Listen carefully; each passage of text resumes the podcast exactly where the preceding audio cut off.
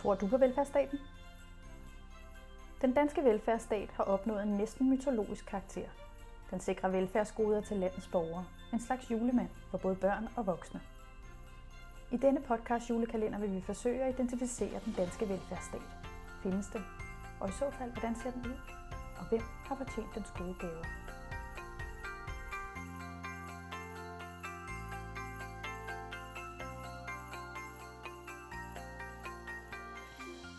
I dag taler vi med Iben Nørup, der er Ph.D. og lektor på Institut for Sociologi og Socialt Arbejde på Aalborg Universitet. Iben har i sin forskning beskæftiget sig med den danske velfærdsstat og har beskrevet, hvordan den danske social- og beskæftigelsespolitik for borgere på kanten af arbejdsmarkedet har været under kraftig reformering. Hun har beskrevet, hvordan nye reformer på området repræsenterer et nyt syn på relationen mellem borger og stat, der blandt andet handler om en ændret opfattelse af, hvem der er berettiget til hjælp, og økonomisk underhold fra staten, og hvem der ikke er. Reformerne indeholder også en stærk moralsk diskurs, som handler om den gode samfundsborger, der både bidrager aktivt på arbejdsmarkedet, eller i hvert fald arbejder målrettet på at gøre det. Velkommen til, Iben. Tak. Så hvordan er det på baggrund af din forskning? Tror du så stadig på den danske velfærdsstat? Ja, det gør jeg faktisk. Øhm, jeg tror, den danske velfærdsstat, som vi kender den og forstår den, er betydeligt under pres. Øh, og der er sket en masse forandringer, som gør, at velfærdsstaten ikke ser ud, som den gjorde for bare 15-20 år siden. Øh, men, men den grundtanke, velfærdsstaten blev bygget op om, øh, tror jeg stadigvæk er en rigtig god idé. Så når du taler om, at der har været nogle forandringer, og den ser anderledes ud i dag, hvad tænker du så er velfærdsstatens rolle i dag? Jamen, altså, den rolle, velfærdsstaten får i dag, øh, er i høj grad at flytte folk øh, tættere på arbejdsmarkedet, gør folk hvad skal man sige, rentable, enten i form af, at man bliver øh, altså kommer i beskæftigelse eller får taget en uddannelse. Altså det er sådan en meget effektivitetsorienteret opgave, som velfærdsstaten får. Altså det skal være noget, der, der bidrager til samfundsøkonomien. Øh, jeg mener så også, at der er en anden ret vigtig opgave, som man nogle gange glemmer i den diskussion. Og det handler om at sikre, at vi har det godt, og sikre, at vi har en, en social lighed, en social øh, sikkerhed, og også en, en, en trivsel og et velfungerende demokrati, som sådan set også oprindeligt var en del af velfærdsstatens kerneopgaver.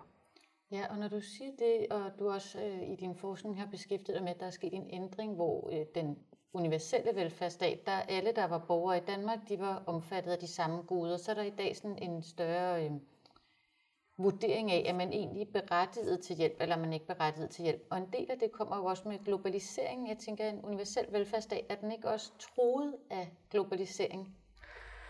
Jo, altså der er jo en hel masse udfordringer, som, som er, er enormt komplekse at løse, øh, fordi vi, vi, vi har, lever i en global verden, og også er, er en del af øh, jeg skal sige, EU for eksempel, hvor øh, arbejdskraften kan bevæge sig frit og sådan nogle forskellige ting. Øh, så jo, der er en masse udfordringer. Så hvis du skulle nævne de væsentligste udfordringer, som velfærdsstaten står overfor i den nærmeste fremtid 2020 for eksempel, hvad vil det så være?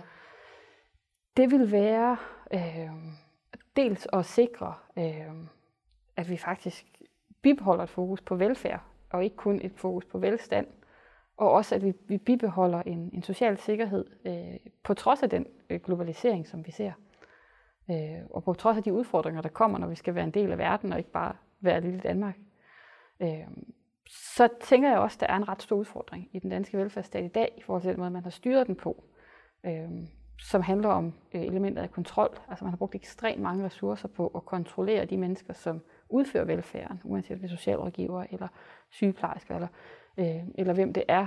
Øh, og, og hvor der går ekstremt mange ressourcer til, til hele det apparat. Og der går også mange ressourcer til at kontrollere borgeren.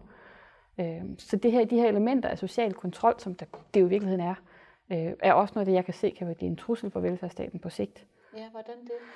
Jamen altså, hvis, hvis velfærdsstaten pludselig får en drejning, hvor den ikke længere er et gode, men hvor den også i høj grad bliver et kontrolapparat og en måde at sikre, at man øh, lever op til en bestemt norm, en bestemt måde at være samfundsborger på, øh, så vil det jo være noget, hvor, hvor, hvor det pludselig får en helt anden, øh, hvad skal man sige, øh, betydning eller øh, betoning, end, end, end velfærd øh, traditionelt set har haft. Altså hvis det bliver noget, som egentlig er med til at kontrollere os.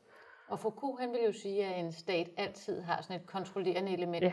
Tænker du, at de skandinaviske velfærdsstater, som jo igennem siden øh, 2. verdenskrig og opgjort gennem 60'erne er blevet meget stærke, er særlig udfordret i forhold til den her øh, kontrolelement?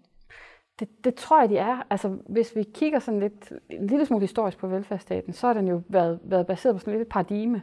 Altså, at vi på den ene side har et, et meget, en meget stærk øh, fortælling om, at vi, øh, de fleste af os bidrager på arbejdsmarkedet, vi betaler skat, og vi ligesom byder ind på den her øh, velfærdsmodel, hvor, hvor, hvor vi jo også skal betale noget tilbage til samfundet. Og samtidig har der også været en meget stærk beskyttelse af individets rettigheder og individets ret til eget livsprojekt. Øh, og det har jo på en eller anden måde været sådan et, et, et, et paradoks, som man ikke rigtig kunne forstå eksisterede samtidig. Og der, der, der sker i hvert fald noget i, i, de her, øh, i det her årti, hvor, hvor øh, beskyttelsen af individets rettigheder og individets ret til at have sit eget livsprojekt bliver sat mere under pres i, i forhold til de mere kontrollerende elementer af velfærdsstaten. Men ser du så, øh, det var udfordringerne, ser du også nogle potentialer øh, i forhold til at bevare en velfærdsstat, der på den ene side til, øh, til gode ser fællesskabet og samfundet, og på samme tid til gode ser den enkeltes øh, livsudfoldelsesmuligheder? Altså jeg, jeg tror meget stærkt på den velfærdsmodel, og jeg tror på, at det er en, at både økonomisk er, er en god forretning.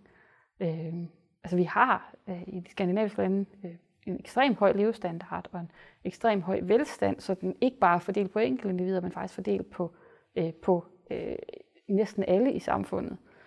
Øh, og og det, det øh, tænker jeg, øh, eller min vurdering, i høj grad også kan tilskrives vores, vores velfærdsmodel og den samfundsmodel, vi har haft. Øh, så jeg, jeg tror bestemt, der er en masse potentialer i både at bevare den øh, og også udvikle øh, de tanker. Øh, hvordan man, man så gør det, øh, det er jo selvfølgelig altid det store spørgsmål, og det er jo altid noget, der er, øh, er, er lidt håbløst at stille en forsker. Fordi det er jo lige præcis det, vi, vi tit, øh, hvor vi tit kommer til kort øh, med de konkrete, øh, helt konkrete praksisnære løsninger. Øh. Nu er du i hvert fald kommet med et bud på velfærdsstatens øh, udvikling og de risici, du ser, og også nogle af de ressourcer, du ser i velfærdsstaten. Tusind tak for det. Velbekomme. Og glædelig velfærd. I lige måde. Tak.